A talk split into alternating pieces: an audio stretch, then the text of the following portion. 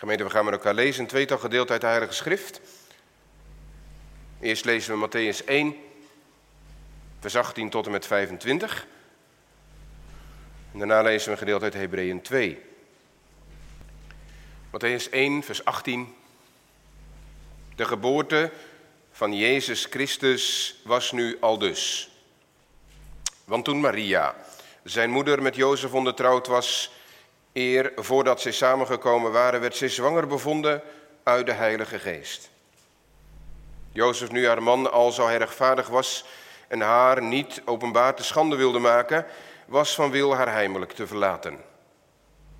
En als hij deze dingen in de zin had, zie de engel des Heren verscheen hem in een droom, zeggend, Jozef, gij zoon van David, wees niet bevreesd Maria, uw vrouw, tot u te nemen. Want hetgeen in haar ontvangen is, dat is uit de Heilige Geest.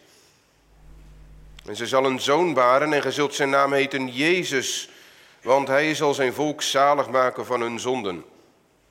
En dit alles is geschied, opdat vervuld zou worden hetgeen van de Heere gesproken is door de profeet, zeggend, zie de maagd zal zwanger worden en een zoon baren en ge zult zijn naam heten Immanuel, het welk is overgezet zijnde, God met ons.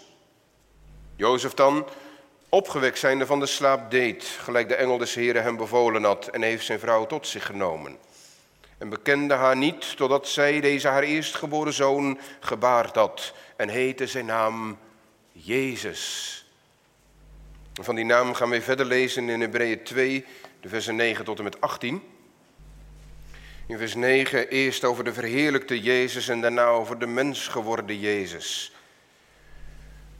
Maar wij zien Jezus met heerlijkheid en eer gekroond, die een weinig minder dan de engelen geworden was vanwege of omwille van het lijden van de dood, opdat hij door de genade van God voor allen de dood smaken zou. Want het betaamde hem, dat is de Vader, om welke alle dingen zijn en door welke alle dingen zijn, dat hij vele kinderen tot de heerlijkheid leidend, de overste leidsman van hun zaligheid, door lijden zou heiligen. Want en hij die heiligt en zij die geheiligd worden, zijn allen uiteen, om welke oorzaak hij zich niet schaamt hem broeders te noemen. Zeggend, ik zal uw naam, mijn broederen, verkondigen. In het midden van de gemeente zal ik uw lof zingen. En wederom, ik zal mijn betrouwen op Hem stellen. En wederom, zie daar, ik en de kinderen die mij God gegeven heeft. Overmits dan de kinderen vlees en bloed deelachtig zijn, zo is hij ook desgelijks derzelfde deelachtig geworden. Opdat hij door de dood te niet zou doen degene die het geweld van de dood had, dat is de duivel en verlossen zou al degenen die met vrezen voor de dood door heel hun leven aan de dienstbaarheid onderworpen waren. Want waarlijk, hij neemt de engelen niet aan. Hij neemt het zaad van Abraham aan, waarom hij in alles de broederen moest gelijk worden. Opdat hij een barmhartig en getrouw hoge priester zou zijn in de dingen die bij God te doen waren, om de zonde van het volk te verzoenen. Want in hetgeen hij zelf verzocht zijnde geleden heeft, kan hij degene die verzocht worden te hulp komen. Vanmiddag staan wij stil bij de versen 14 en 15 uit dit hoofdstuk. De versen die we nogmaals lezen. Over mits, dat betekent omdat. Omdat dan de kinderen vlees en bloed deelachtig zijn. Wij zouden zeggen, omdat de kinderen uit vlees en bloed bestaan, wij mensen zo is hij, Jezus, ook desgelijks derzelfde deelachtig geworden. Dat wil zeggen, hij is op dezelfde manier vlees en bloed geworden. Op die wijze gaan bestaan. Met welk doel? In de eerste plaats, opdat hij door de dood te niet doen zou degene die het geweld van de dood had, dat is de duivel. En in de tweede plaats, en verlossen zou al degenen die met vrezen voor de dood door heel hun leven aan de dienstbaarheid of aan de slavernij onderworpen waren.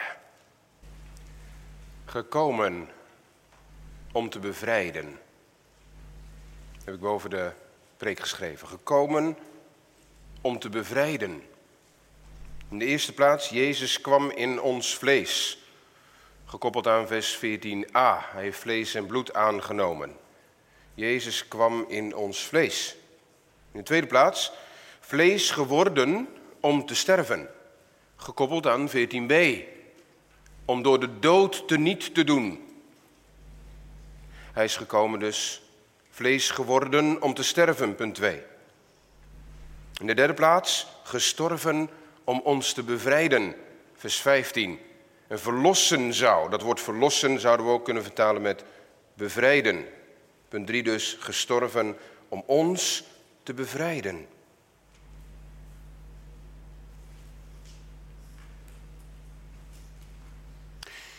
Als je in het Nieuwe Testament een klein onderzoekje zou doen naar het aantal teksten, geschiedenissen die over kerst gaan, en je kijkt naar de teksten die gaan over Goede Vrijdag en Pasen, wat zou je meer tegenkomen? Ik denk dat je heel snel erachter komt dat er heel veel over Goede Vrijdag en over het lijden en over het kruis geschreven staat en, heel weinig over kerst. Als je bijvoorbeeld Marcus neemt, daar hoop ik in het voorjaar een serie over te gaan houden, dan kom je kerst helemaal niet tegen. Maakte mij een beetje verlegen. En dan denk ik, vindt Marcus nou kerst helemaal niet belangrijk? Een wonderlijke gedachte eigenlijk, hè?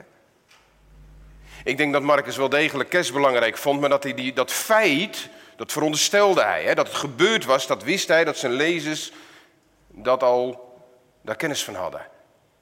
Marcus heeft het wel over kerst, maar die plaatst dat direct in het licht van Goede Vrijdag.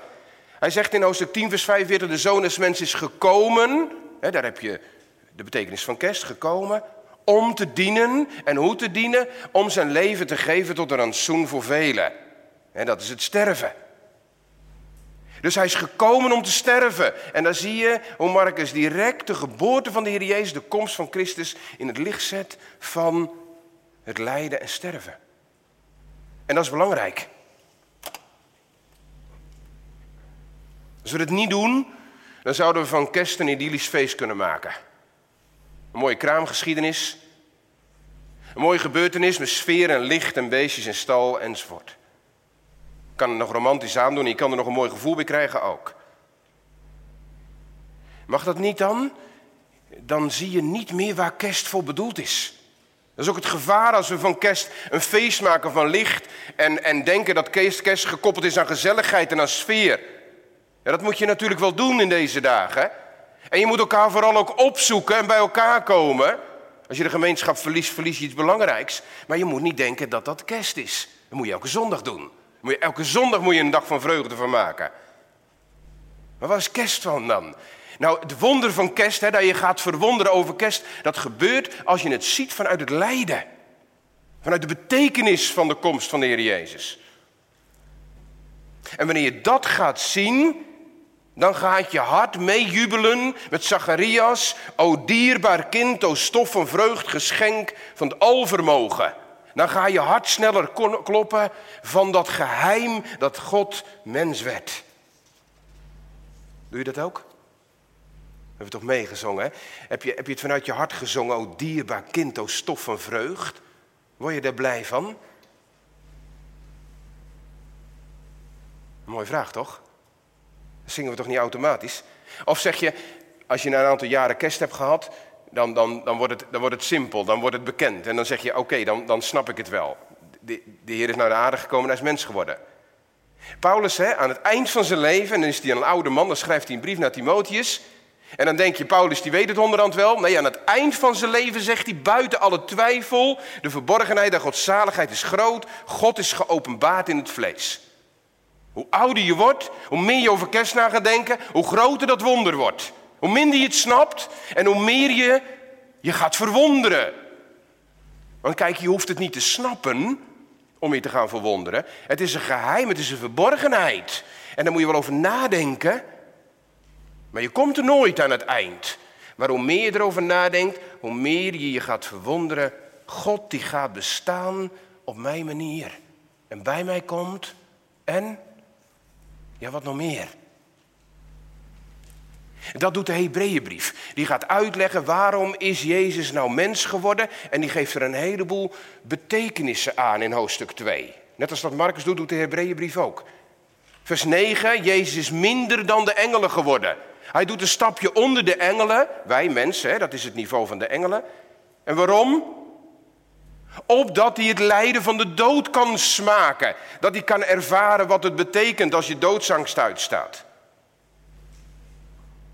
God in de hemel is niet in staat om doodsangst te voelen. En hij zegt, ik word mens zodat ik doodsangsten kan uitstaan. Snap u het? Dat begrijp je toch niet? En nog zo'n moment, hè, vers 11. Hij wilde de broederen gelijk worden. Vers 13, zie daar, ik en de kinderen die me God gegeven heeft. Allemaal teksten uit het Oude Testament die aangeven hoe Christus werkelijk één werd met ons.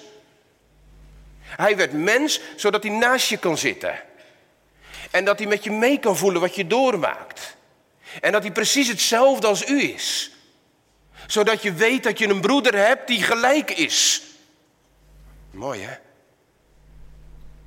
Daarom kwam God uit de hemel, om, om dat te doormaken, maar ook om je daarmee te hulp komen, zegt vers 18. En dan nog zo'n moment, waarom is hij mens geworden? Vers 14. Hij nam vlees en bloed uit de aan, hij kwam uit de hemel, werd mens. Waarom? Om te kunnen sterven. En dat is het grootste, dat is het diepste geheim eigenlijk. Wat hier in dit hoofdstuk staat. Daar gaan we weer stilstaan. Hij heeft vlees en bloed aangenomen. Wat betekent dat?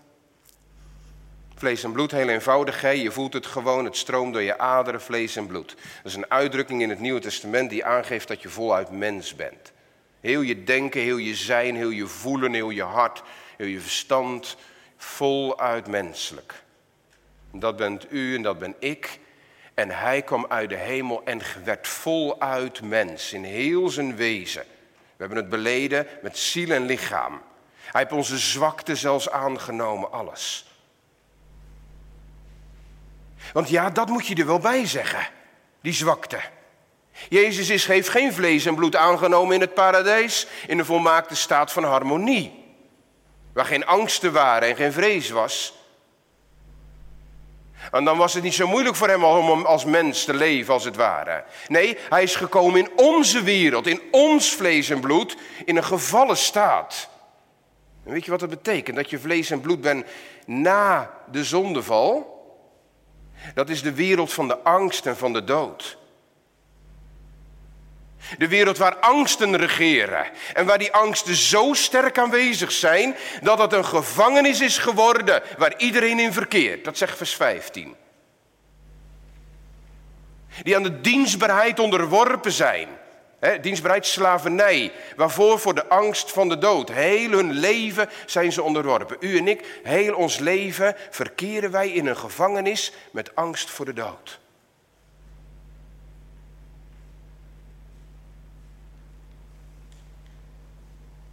is toch herkenbaar? Dat wij leven in een wereld waarin angst zo aanwezig is. Een mate waarop dat gevoeld wordt kan verschillen. Je kan in een hele lichte mate angst hebben door je ongemakkelijk te voelen, door onrustig te zijn. Het zijn vormen van angst in een lichte vorm. Bepaalde dingen die je onrustig maken over de toekomst, wat eraan gaat komen, of de dingen die er morgen gebeuren tot zwaardere vormen van angst. Dat je s'nachts wakker ligt en ligt te zweten en je hart voelt kloppen. En dat je maalt en maalt tot paniekaanvallen toe. Angst omdat je de dood in de ogen kijkt. Angst is een onderdeel van ons leven. Ik hoef aan niemand te vragen of die angst heeft, wij hebben het allemaal. En als je naar binnen kijkt en je leert het zien, dan, dan is het er. Als je om je heen kijkt in de wereld om je heen, hoeveel angst kom je niet tegen? Het lijkt wel of de angst regeert. Allerlei vrees voor ontwikkelingen. Allerlei maatregelen die zo buiten proporties zijn dat je je afvraagt hoe, hoe zit dat? Welke angst zit daarachter om op zo'n wijze bezig te zijn met het beheersen van het leven? De angst regeert. Je hoeft de krant maar open te slaan en bladzij na bladzij kom je allerlei ontwikkelingen tegen die je de angst om het hart kunnen slaan. Dat je denkt van welke wereld leven wij? Wat een vrees.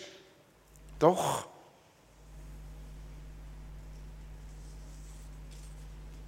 Misschien zit je hier zo wel.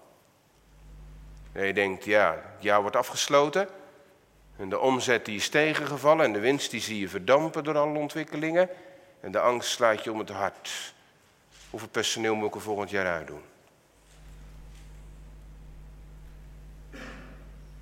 Je hebt bericht gekregen, je moet naar het ziekenhuis, de angst slaat om je hart. Wat gaat dit brengen?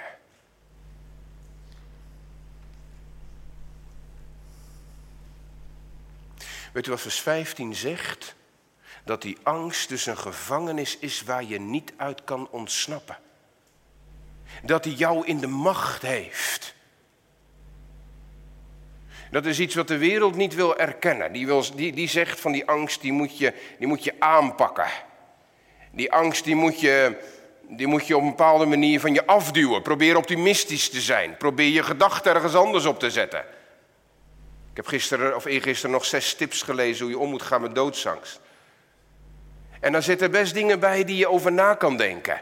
Maar denk je echt dat die zes tips jou kunnen weghalen uit die gebondenheid van angst? Een uur lukt het. En ineens is het weer ten volle terug en slaat het om je hart. Wie ontsnapt uit die gevangenis? Niemand. Onmogelijk.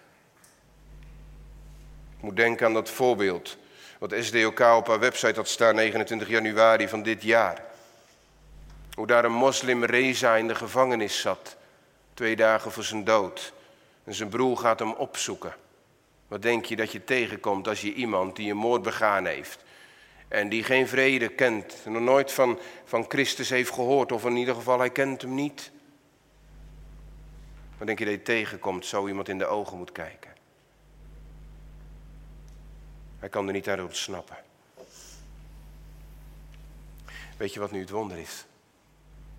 Dat vandaag kerstfeest is geworden. En dat wij stil mogen staan bij het wonder van kerst. Christus zegt, ik heb vlees en bloed aangenomen.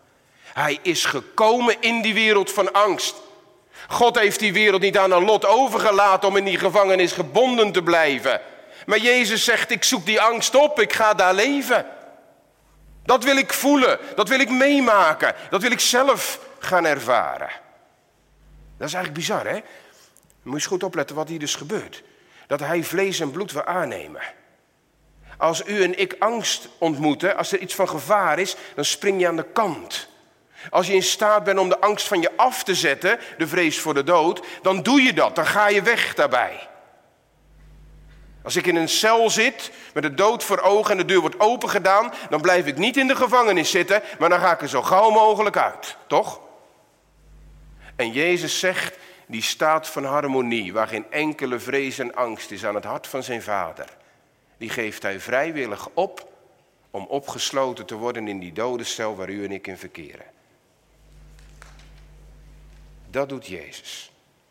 Daar kiest hij voor. Hij wordt niet gedwongen, vrijwillig. Dat getuigt van liefde. Dat hij dat doet. Hij kiest ervoor, ik haal drie momenten uit het leven van de Heer Jezus aan, om die angst te proeven, mee te maken, wat mensen meemaken. Wat zou er door zijn jonge hart zijn heen gegaan toen hij anderhalf jaar was? En hij hals over kop, misschien wel al stuitend op die ezel naar Egypte moest vluchten. En toen Maria hem aan zijn hart drukte, dat hij de angst van het hart voelde van zijn ouders. Het staat er niet zo in het woord. Maar ik veronderstel dat Maria en Jozef hartkloppingen hebben gehad. Vanwege het gevaar dat ze hun kind kwijtraakten. Als kind van anderhalf, dan kun je angst voelen van je ouders. Ook al kun je geen woord zeggen, dan kun je geen woord horen. In ieder geval weten we het zeker dat hij het meegemaakt heeft toen hij twaalf was. Toen hij daar onderwijs ontving van de rabbijnen. En dan komen zijn ouders daar in de tempel. En zijn moeder kijkt hem aan met angst in haar ogen. En die zegt, kind, we hebben je met drie dagen met angst gezocht. Lucas 2, vers 48. Jezus zag de doodsangst, de angst van het verlies van een kind in de ogen van Jozef en Maria. Als u dus bang bent een kind te verliezen, dan weet Jezus wat er in uw hart leeft. Hij heeft het zelf gezien.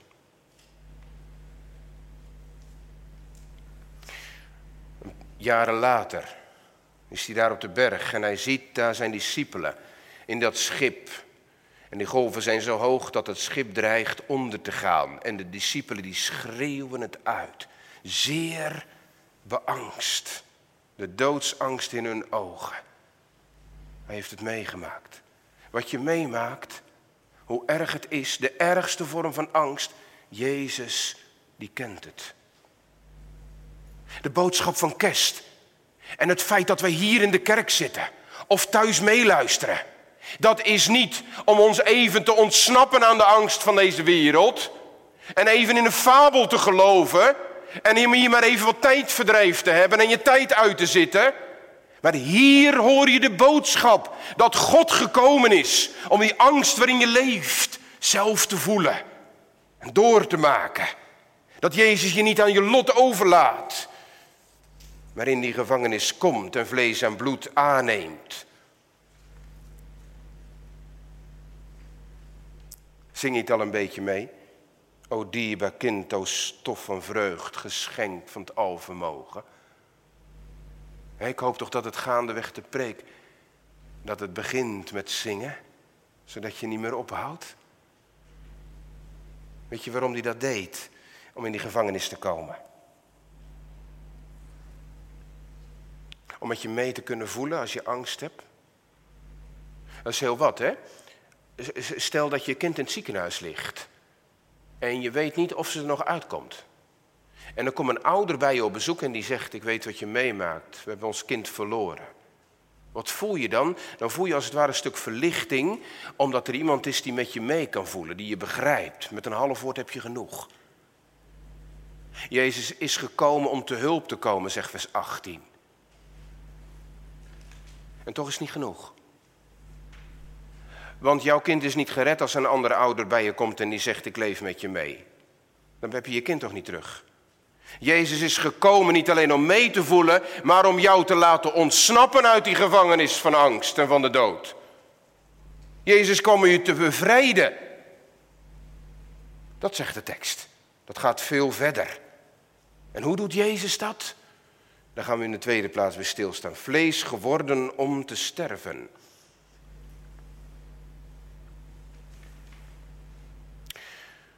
Als we in vers 14b lezen, dan staat daar die zin opdat hij door de dood te niet doen zou. Degene die het geweld van de dood had, dat is de duivel. Ineens horen wij hier wie degene is die die gevangenis op slot houdt. Dat is de duivel. De duivel heeft het geweld van de dood. Dat betekent, hij heeft de macht van de dood. Hij heeft in zijn macht om die gevangenis op slot te houden. Hij is de cipier van jouw angst. Hij houdt dat in stand. En die duivel is zo machtig, hij heeft zeer grote kracht en hij zal er dus alles aan doen om die angst in stand te houden. Hij is degene die het geweld heeft, die de macht heeft om jou vast te houden in die angstgedachten, in die beklemmingen. Hij is in staat om deze wereld aan te jagen. Hij is een geweldige krachtbron achter al die angstprocessen en al die achter, achter al die gebeurtenissen die de angst in deze maatschappij aanjagen. Dat is de kracht van de duivel. En als je het zo beschouwt, dan ga je toch weer iets anders zien wat er om je heen gebeurt. Dan ga je daar niet goedkoop over denken of dan ga je ook niet denken van, ach laat ze dat en dat eens even doen, dan lost dat op. Denkt u dat? Er zit een geweldige geestelijke macht achter die die angst vasthoudt. Dat zegt de tekst. De duivel heeft de macht over die gevangenis.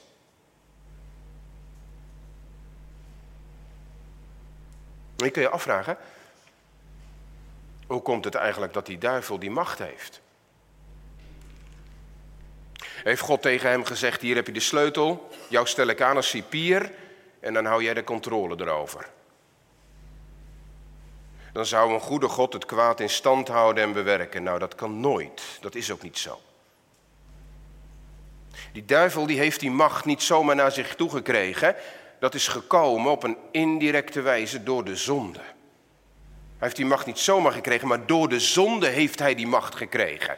En hoe komt dat? Nou, door de zonde is de dood in de wereld gekomen.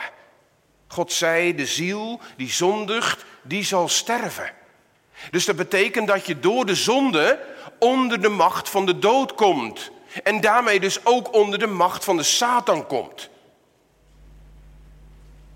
Als je zondigt, hoor je bij het terrein van de duivel. Johannes zegt het in Johannes 3, vers 8. Die de zonde doet, is uit de duivel. Want de duivel zondigt van de beginnen. Jezus zegt het nog sterker. Hij zegt, gij zijt uit de vader den duivel. Johannes 8, vers 44. En wilde begeerte uw vaders doen. Die was een mensenmoorder van de beginnen en is in de waarheid niet staande gebleven, want geen waarheid is in hem. Moet je eens denken, wanneer heb je een leugen gedaan? Als je een leugen doet, ben je uit de vader der leugen, namelijk de Satan. Zomaar een klein voorbeeld wat laat zien dat je op het terrein van de duivel bent terechtgekomen en onder zijn heerschappij zit. Gevangen in de macht van de Satan, dat betekent dat je nu ook gevangen bent in de macht van de zonde die jou daarin vasthoudt onder zijn macht. En de duivel heeft grote macht, niet alleen om angst aan te jagen, maar ook om die zondemacht in je leven in stand te houden. En dat doet hij in je leven. En daar is hij voortdurend mee bezig. We hebben een geestelijke strijd te voeren. Die Satan is bezig om jou vast te houden. Om jouw kinderen, volwassenen allemaal in die zonde bezig te houden. Weet je hoe hij dat doet? Zal ik eens een paar dingen noemen? Om een beetje gevoel erbij te krijgen? Ik denk dat eerst een van zijn grote listen zijn om je vast te houden in een wereld van oppervlakkigheid. Van het plezier en de leuke dingen die je doet. En die zijn allemaal prima. Er hoeft nog geen eens zonde te zijn. Waarom is het verkeerd als kinderen even een computerspelletje zitten te doen? Nee, zou ik nog niet direct zo zeggen. Allerlei dingen van vermaak zijn niet direct verkeerd. Maar de Satan, die houdt je vast om je daarin bezig te houden. Om niet een half uur te gamen, maar om vijf uur op een dag te gamen. Want zolang je bezig bent met dat vermaak, heb je geen angst, denk je nergens aan, heb je plezier. Dan denk je niet na over de realiteit van je leven. Prima toch? Hij houdt je gevangen. Zie je zijn macht dan niet? En dan vindt hij het heerlijk dat je bezig bent. En als je s'avonds om 11 uur gaat slapen. en je hebt net een paar video's gekeken, toch niks mis mee. dan heb je geen zin meer om nog iets goeds te doen. Om je Bijbel te lezen. En als hij dat s'morgens ook kan doen, neemt hij dat kwartier ook nog van je af. dat je denkt dat bidden komt morgen wel. En morgen denk je dat komt morgen wel. En morgen denk je dat komt morgen wel. En niet, je hebt niet in de gaten dat je bezig bent in die gevangenis van de duivel die jou beklemd houdt. Ga je er iets van herkennen? Een tweede list. Hij is heel goed in staat om jou te laten denken dat de dingen die je doet, die verkeerd zijn, die je ergens zo weet, toch goed gaan noemen. Dus hij verandert het kwade in het goede. Je bent van plan een video te kijken als je nooit een video hebt gekeken, dan schrik je van die scènes die erin staan. En van die twee vloeken die erin voorkomen. Maar je hebt voor de derde keer die video gekeken en wat doe je? Je denkt, ja, maar moet je die video's kijken. Daar staat plus 16 op, dat is een horror. Die kijk ik toch niet, zo slecht ben ik toch niet? Deze kan wel. Als ik hem vergelijk met die, dan kan die wel. En zo praat je datgene wat verkeerd is goed. Want je koppelt het aan een norm die helemaal niet van God is. Want God zegt, elke vorm van naaktscène Elke vloek die er voorkomt, die is niet uit mij. Die is buiten God. En die brengt je op het terrein van de duivel. En hij spiegelt je voor als iets moois. En je gaat ermee bezig. Zie hoe ellendig het is met je. Met mij. Ik sluit mezelf erbij in, hè. Want ik ervaar die kracht van de Satan bij tijden ook. Nog een list? Nog één. Misschien zeg je, mijn geweten is ontwaakt. En je beseft dat je gezondigd hebt. En je komt erachter, het zit niet goed tussen God en je hart. En elke zonde die je bewust wordt, dan zeg je, zie je wel. Het kraagt aan je. Je geweten beschuldigt je. En als de Satan in staat om dat schuldige geweten van jou te versterken en je daarin vast te houden. Die vindt dat ook prima als je je zonde beleidt en dat je erover nadenkt en dat je schuldig voelt. En die heeft het liefst dat je je schuldig blijft voelen. Want weet je wat er met een schuldig geweten is? Dan heb je ook angst. Want een schuldig geweten is een angstig geweten. Daar waar schuld is, is angst voor de uitkomst. Is angst voor de straf. Is angst voor de, hè, de schaamte die je komt als het ontdekt wordt. Het houdt je gebonden. Zolang je in die zonde blijft, of in het schuldige geweten over de zonde, dan blijft de angst aanwezig. Satan heeft gelijk als hij je aanklaagt. En intussen houdt hij je gevangen, want hij heeft er een bloedhekel aan dat je leeft in de vrijheid van Christus. En dat je leeft in de vrijheid van het geredde geweten. De duivel heeft macht om je vast te houden. Ik, ellendig mens, wie zal mij verlossen uit het lichaam van deze dood en uit deze angst? Ga je het meezeggen? Ik heb het hier niet over een paar mensen. Ik heb het over u allen. Wij allen liggen in deze angst, opgesloten in die zondemacht. En nou is het zaak dat je tijdens de dienst mee gaat spreken. Dat je in je hart zegt, dit is mijn situatie. Dat is nodig. Doe je het? Of loop je ervoor weg? Ga je, drijf je deze werkelijkheid weg uit je gedachten en zeg je, dit wil ik niet weten. En dan heb je ook niks aan de oplossing. Dan heb je ook niks aan datgene wat Christus brengt. Want als je je probleem niet kent, dan heb je aan de oplossing geen behoefte. Voel daarom en beleid daarom. En in welke mate, laat het dan God over. Want hoe meer je hierover nadenkt, hoe meer dat ook gaat toenemen, dat besef daarvan. Maar beleid het nu voor God. Heren, ik leef op de heerschappij van de duivel. En ik kan mijzelf uit deze gevangenis niet verlossen. Wie zal mij verlossen? Jezus is gekomen. Hij heeft vlees en bloed aangenomen, opdat hij, zegt de tekst, door de dood de duivel zou teniet doen. Hij is gekomen om de werken van de duivel te verbreken. Dus de tekst zegt niet om de duivel te vernietigen in de zin dat hij niet meer bestaat, maar teniet doen betekent die macht van hem ontnemen. Jezus is gekomen om die gevangenisbewaarder vast te pakken, te binden en zelf in de gevangenis te gooien zodat die deur open kan en dat je bevrijd wordt. Daarvoor is Jezus gekomen. En hoe doet hij dat? Door zijn dood. De enige weg om deze macht van de Satan te verbreken is door de dood van een mens. Kan u dat uitleggen, dominee? Hoe zit dat met die dood? Wat gebeurt er dan? Ik zei net al, die duivel die heeft die macht omdat wij gezondigd hebben. En zolang die zonde er is, kan hij dat in stand houden. En wat heeft Jezus nu gedaan? Die heeft die zondelast van u en mij op zich genomen. Die is aan het kruis gegaan met heel die aanklacht van alles wat wij verkeerd deden. En waardoor wij gevangen zitten. En hij is aan het kruis gegaan en hij is gestorven. En door zijn dood heeft hij verzoening verworven. En dat betekent dat die verzoening maakt dat die zonden uitgewist worden. En dat die zonden worden weggenomen. En dat die macht van de zonde doorbroken is door Christus. En de Satan heeft geen macht meer over degene die geen zonde doet. Met iemand zonder zonde kan hij niks beginnen.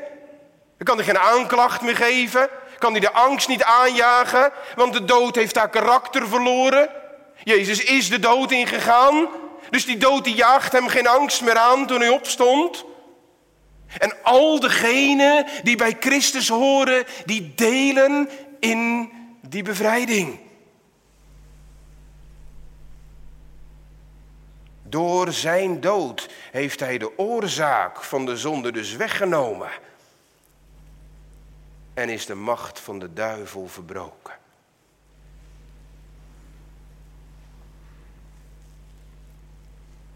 Dat is kerst. Daarvoor wilde Jezus in het vlees komen. Doelbewust om te sterven. Niet een droevige samenloop van omstandigheden. Niet een noodlottig einde van een mislukt leven. Zijn dood was het plan om ervoor te kiezen en te gaan. Die weg. Hij wilde die dood ingaan omdat hij wist dat daardoor de macht verbroken werd. Hij wilde de doodsangsten ondergaan. Moest je op je in laten werken, waar Jezus vrijwillig voor koos. Om de dood tegemoet te gaan en in de ogen te kijken en echt de doodsangsten ook uit te staan. Want hij ging zijn leven, hij heeft de angst van anderen gezien. Maar toen kwam het moment dat hij zelf droevig en zeer beangst begon te worden in Gethsemane. Marcus 14, vers 33.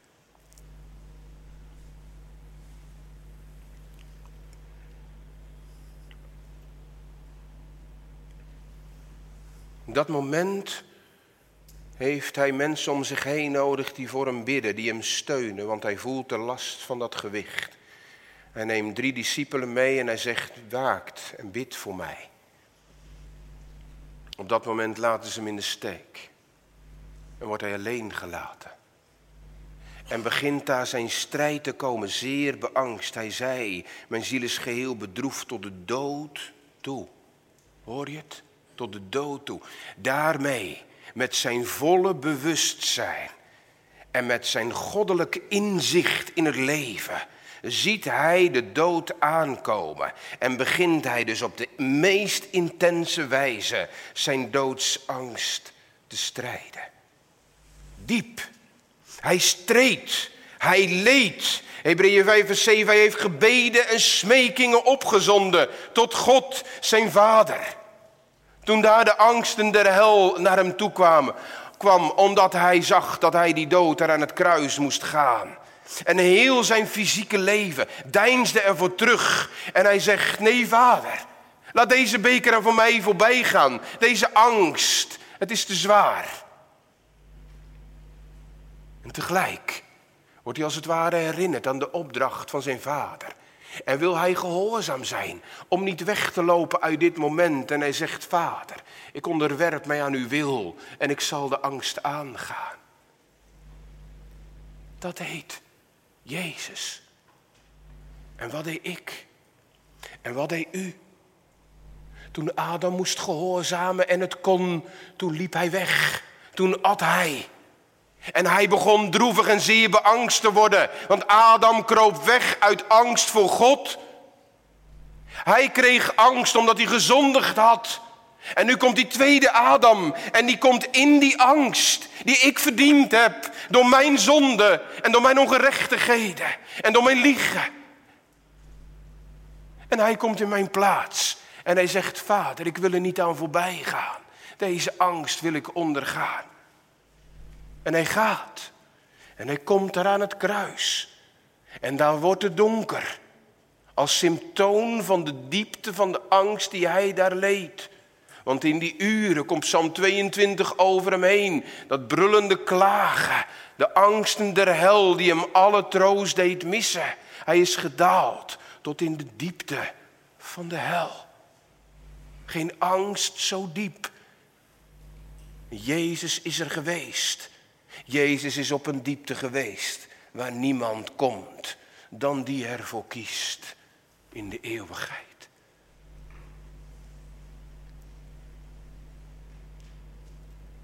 Dat is het wonder van kerst. Dat God zelf zegt, wat jij verdiend hebt, dat ga ik voor je doen. En in die angst ga ik in.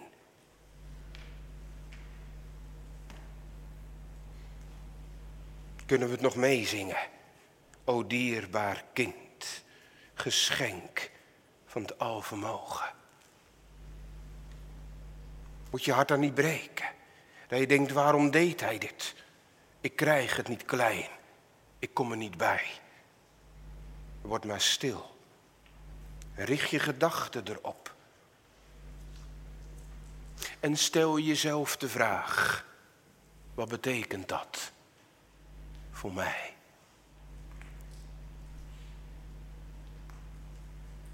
Daar gaan we in punt 3 bij stilstaan. Gestorven om ons te bevrijden.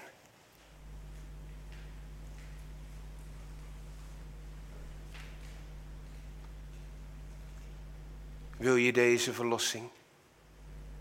Is er in je hart die behoefte om aan de angst te ontsnappen? Om weg te gaan uit die dood en uit die angst en uit die gevangenis? Misschien, ik gebruik de woorden van Psalm 142, vers 7, maar die we straks gaan zingen. Voer mij uit mijn gevangenis, zegt die psalm. Is dat jou ook jouw gebed?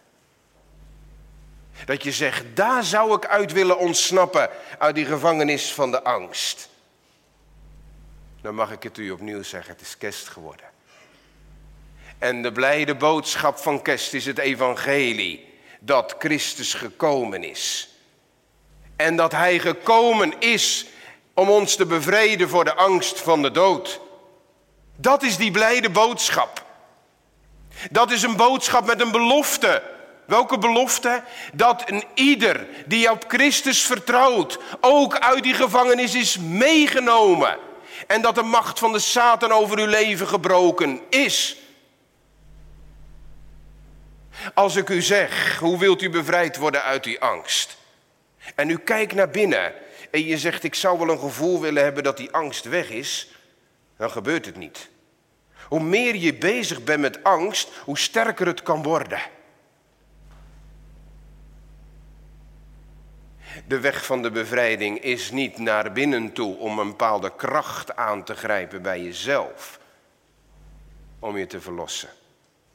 Dat is de boodschap van bevrijding van deze wereld. zal ik het eens heel eenvoudig zeggen wat het verschil is tussen de wereld en de Bijbel? De wereld die zegt het probleem ligt buiten je en de oplossing ligt in je. Dus probeer je kracht en je energie te gebruiken om te vechten tegen het probleem buiten je. Maar de Bijbel zegt het andersom. Die zegt het probleem zit in je. Maar de oplossing ligt buiten je, boven je. Ik hoef u niet aan te sporen om die angst te verdrijven. Maar Christus is gekomen om u en mij te bevrijden van die angst. En ik zal het u zeggen, hij heeft het reeds gedaan. Want dat hij aan het kruis heeft geroepen, het is volbracht. Dat betekent ook dat hij op dat moment het nieuwe verbond heeft besloten. En daarmee die cipier heeft gebonden.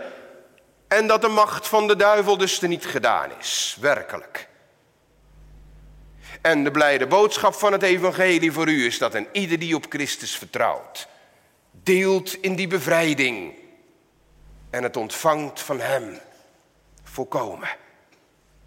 Want als je je zonden op Christus werpt, heeft Hij de macht van de zonde gebroken en ben ik vrij van de wet. Ben ik vrij. En ben ik ook bevrijd van de angst. Niet omdat ik dat in de eerste plaats voel, maar omdat je leert vertrouwen op het woord van Christus. De macht van de Satan is gebroken.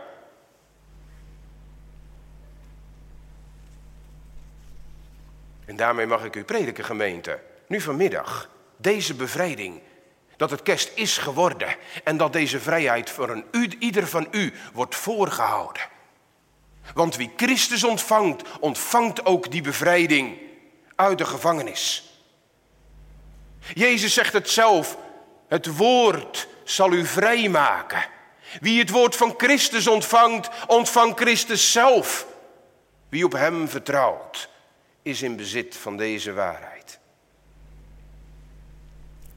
Ik vraag u daarom niet om die angst van u te bestrijden, Maar ik vraag u wel, heeft u uzelf toevertrouwd aan Christus?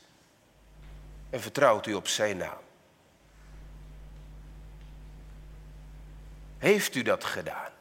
En doet u dat opnieuw, elke keer wanneer de angst in uw hart komt, in welke vorm dan ook? Dat je het op Christus werpt.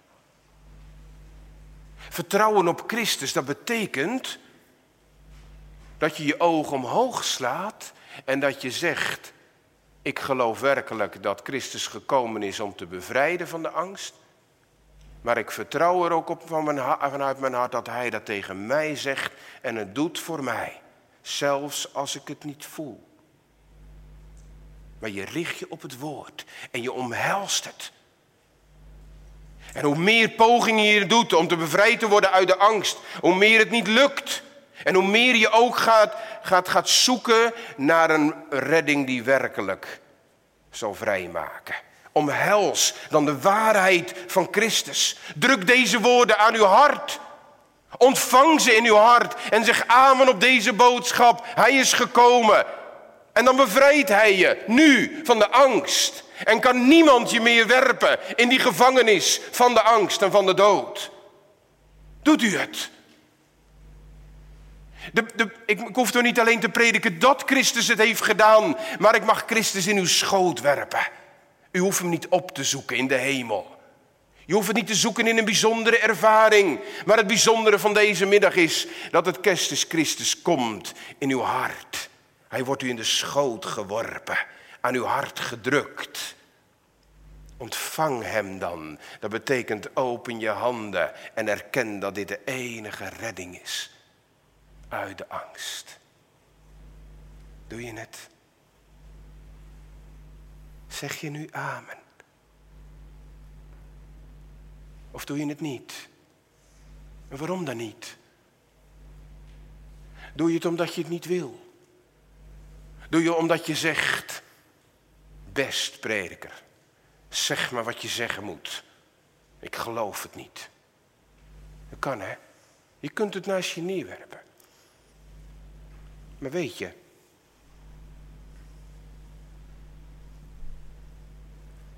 weet je dat je het uitstelt. Je kunt het niet wegduwen. Als deze boodschap niet waar is, dan mag je het naast je neerleggen. Maar wanneer kom je erachter wanneer het echt waar zal zijn? Als Jezus terugkomt op de wolken van de hemel.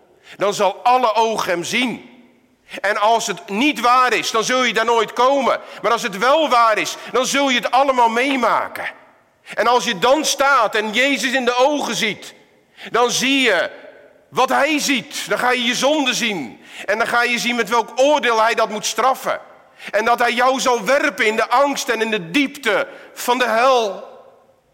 En dan zul je in de angst van je hart het uitroepen. O bergen, val op ons en heuvelen bedekt ons. En als dat waar is, dan is er geen ontsnappen meer aan aan die angst. Ik wil je met de liefde van mijn hart waarschuwen dat je het niet afwacht tot dat moment, maar dat je het nu kiest en dat je nu zoekt en dat je de waarheid van God gaat beproeven. En als je het gaat zoeken, dan zul je het vinden.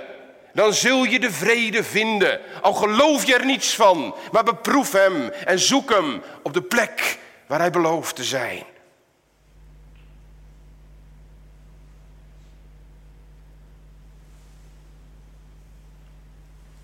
Misschien dat je zegt, ik zou het wel willen aannemen, maar ik durf het niet. Ik ben bang. Ik ben bang dat hij me niet wil aannemen. Want ik ben al zo vaak afgewezen in mijn leven. En ik heb al zo vaak gemerkt dat mensen mij niet waardeerden. En ik ben bang dat God mij voorbij gaat en mij niet ziet. Ik ben bang dat als ik bij hem aanklop, dat hij ook tegen mij zegt: Wie ben je? Hoe durf je bij mij te komen? Ga toch weg. Ik wil met jou niks te maken hebben. En als je een leven kent waarin je niet die onvoorwaardelijke liefde van aanvaarding hebt gekend, dan ben je versterkt in die gevoelens dat je niet aanvaard bent en niet geliefd wordt. En dan ben je ook bang om jezelf toe te vertrouwen aan Jezus Christus. Want je voelt je afgewezen. Ben je bang? Als ik tegen jou of tegen u zou zeggen, je moet wel gaan, breng ik je in een paniek. En kan ik je niet aandrijven. Maar tegen u of tegen jou mag ik iets anders zeggen. Kijk eens naar de andere kant. Jezus is niet zoals de mensen. Jezus is een broeder. Die kan je te hulp komen. Die weet wat er is, die angst van de afwijzing. Hij stond ook alleen. Hij was ook iedereen kwijt. Hij weet wat je doormaakt. En hij is het die zegt, ik kan je te hulp komen. Kijk in zijn ogen en zie de liefde waarmee hij je vastpakt. En die zegt, wees niet bevreesd om tot mij te komen. Je kan op me aan. En ik zend mijn geest in je hart, ik beloof het. En wat doet de geest? Liefde uitstorten, die de angst buitensluit. Dat doet de geest.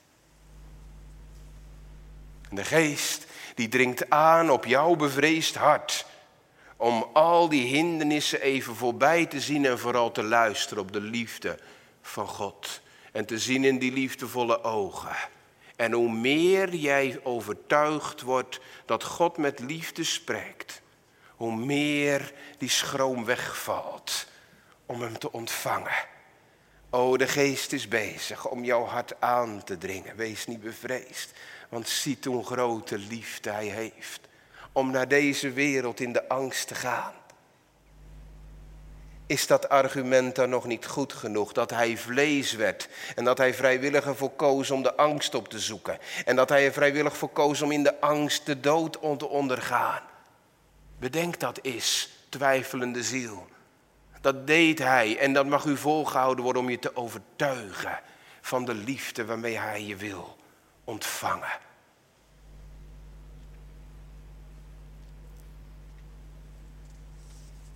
En als die handen dan open gaan, hè, en je zegt amen tegen Christus, en je zegt kom in mijn hart, Heer, en je ontvangt hem, dan predik ik u, dan bent u onder de heerschappij van de Satan weggehaald.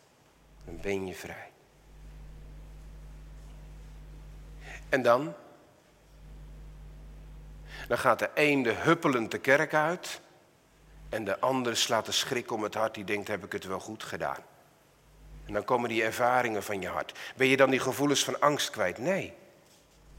Nee. Die gevangenisdeur is wel open gegaan, maar je zit nog zoveel in die gevangenis van die angst. De weg van de bevrijding is er, maar je moet leren die weg te beoefenen om bevrijd te worden van de angst. En hoe doe je dat? Nou, hoe doe je het niet? Door die angst maar te overschreeuwen. Er komt morgen ineens weer zo'n angst naar binnen en je denkt ik zal ziek worden. Wat moet je dan? Dan proberen te verdrijven. Jezus is gekomen, dus ik hoef er niet aan te denken. Ik moet het maar negeren. Nee, dat niet. Je moet het in de ogen zien. Je moet denken, dit is nou angst die mijn hart vervult. Maar daar moet je niet tegen gaan vechten. Je moet het naar boven brengen. Je moet het aan Gods voeten neerleggen. Want je hebt toch gehoord dat die reddende kracht alleen van boven kan komen? Dus de angst in de praktijk van het leven kan ook alleen maar overwonnen worden als die goddelijke genade weer in je hart komt door zijn Heilige Geest.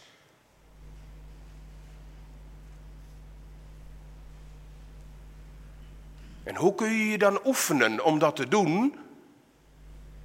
Door het woord te overdenken. Dat is de eerste, het hulpmiddel wat ik u geven wil. Ik geef er twee. Eerst het woord overdenken. Oefenen om bevrijd te worden van angst en van angstgevoelens, dat gaat, de Heer gebruikt daar zijn woord voor. Door het woord te lezen hoort u wie Jezus Christus is. En hoe meer u gaat beseffen wie Hij is, hoe groter Hij wordt en hoe kleiner de vrees wordt. Overdenken wie hij is als een leidsman. Maakt dat de vrees voor de dood en de vrees voor deze dingen op aarde kleiner worden. Mag ik u een tekst meegeven? Blader eens door. Hebreeën 13, vers 6. Dat is zo'n prachtige tekst die hierop aansluit. Om te bemediteren, zo'n tekst. Er staat er in vers 5. Want hij heeft gezegd, ik zal u niet begeven en ik zal u niet verlaten. Dan zit je met je angst. En dan hoor je de woorden van God. Ik zal u niet begeven, ik zal u niet verlaten. Ik ben Immanuel, ik ben gekomen en ik blijf tot in de laatste dagen met u. Dat gaat nooit voorbij, dus ik ben er. En je overdenkt deze belofte en je bidt God dat die belofte ook voor je helder wordt. En door het overdenken wil de Heilige Geest het tot een rijkdom maken. En dat je ook gaat ervaren hoe groot is God. Kijk, en dan gebeurt er iets moois. Want dan ga je God vrezen, krijg je eerbied voor Hem. En naarmate God groter wordt, wordt jouw angst kleiner. Want naarmate God groter wordt, mag je ook gaan zeggen in vers 6, zodat wij vrijmoedig durven zeggen, de Heer is mij een helper. Ik zal niet vrezen wat mij een mens zal doen. Ik zal niet bang zijn. Ik ben bang. Ik voel van alles. Ik kan me niet bevrijden. Maar de blik gaat omhoog. En God wordt groot. En de angst wordt kleiner. God wordt groot, want hij heeft gezegd: de angst van de dood is overwonnen. En als de angst van de dood, de ergste angst, toch overwonnen is, waarom maakt u zich dan nog bang om uw baan te verliezen? Waarom ben je dan nog bang dat je bedrijf kwijtraakt? Waarom ben je dan nog bang voor je kind? Als God er alles voor over heeft gehad, namelijk zichzelf, om jou te redden van de grootste angst, dan zijn al die kleine angsten in je leven ook zijn zorg, ook zijn nood. En wil Hij ook in die nood jou helpen. Maar wanneer je zelf probeert om die angsten te overstemmen, kan God jou niet helpen. En kan God niet bij je komen. Bemediteer deze tekst. En dan in de tweede plaats, bid dat de geest in je hart meer werkt. Die deze waarheid versterkt, maar die ook de liefde in het hart uitstort. Want als de geest komt, dan vervult hij je hart met liefde voor God. En waar liefde is, dan wordt de angst buitengesloten. Liefde en angst staan tegenover elkaar. En we hebben de geest niet ontvangen wederom tot dienstbaarheid aan de vrezen, Romeinen 8, vers 15. We hebben die geest niet ontvangen om weer opnieuw aan die slavernij van de angst onderworpen te worden. Maar wij hebben de geest ontvangen die ons doet roepen, Abba Vader. Vrijheid. En hoe ontvang je de geest door gebed? En daarom gemeente, naast het woord, leer te bidden om de geest die jou in die vrijheid meer gaat oefenen. En hij schenkt het. Zonder beperking. Zodat je mag gaan uitroepen, ik ben verzekerd dat geen dood mij meer zal scheiden van de liefde van God die daar is in Christus Jezus. En dat heeft die Reza, die moslim in de gevangenis, ontdekt. Ik sluit af met dit voorbeeld. Want hij zat in de gevangenis, hij kende Christus niet. En zijn broer zocht hem op in die gevangenis om hem te bemoedigen. En hij kwam daar en hij ziet een broer vol van liefde en rust en blijdschap. En hij zegt tegen zijn broer Massoud, wees niet bevreesd. Ik heb Jezus Christus leren kennen, hij gaf mij een nieuw leven en ik ben niet meer bang voor de dood. En na die paar woorden kwam er een gevangenisbewaarder en die nam Reza mee, want hij moest weggeleid worden. En Massoud die kijkt naar hem en hij zegt, ik zag de vrede in zijn ogen en in zijn houding. Hij is op zoek gegaan naar andere mensen en hij hoorde via anderen hoe dat gekomen was. Dat er een predikant Amir in de gevangenis was gekomen. En die predikant Amir die had niets gedaan. Die leed omwille van het evangelie. En die kwam bij Reza en die ontmoette daar een man, rusteloos, oncontroleerbaar, slecht humeur. En die Amir ging tegen hem vertellen van de liefde van Christus. En Reza riep het op een gegeven moment uit toen hij zat te praten. Mijn vriend, hoe komt het eigenlijk dat jij hier bent? Zo'n goed mens als dat jij bent. Ik heb een moord gepleegd, ik heb het verdiend. Maar waarom zit jij hier eigenlijk? Amir zei, ik zit hier slechts voor jou zodat jij het evangelie hoort. Zodat je gered kunt worden en vrij kunt zijn. En overweldigd door emoties greep Reze Ami vast. En hij zegt, denk je dat God echt waarde hecht aan zo'n slecht en goddeloos mens als dat ik ben? Zou hij iemand naar me toegestuurd hebben als zijn vertegenwoordiger? En Amir begon hem te vertellen van de moordenaar aan het kruis. Reza reageerde. Bid alsjeblieft voor mij. En help me om die redding te vinden, zoals die moordenaar. En Amir bad. En Reza mocht zich overgeven aan Jezus Christus. En vond vrede en een nieuw leven.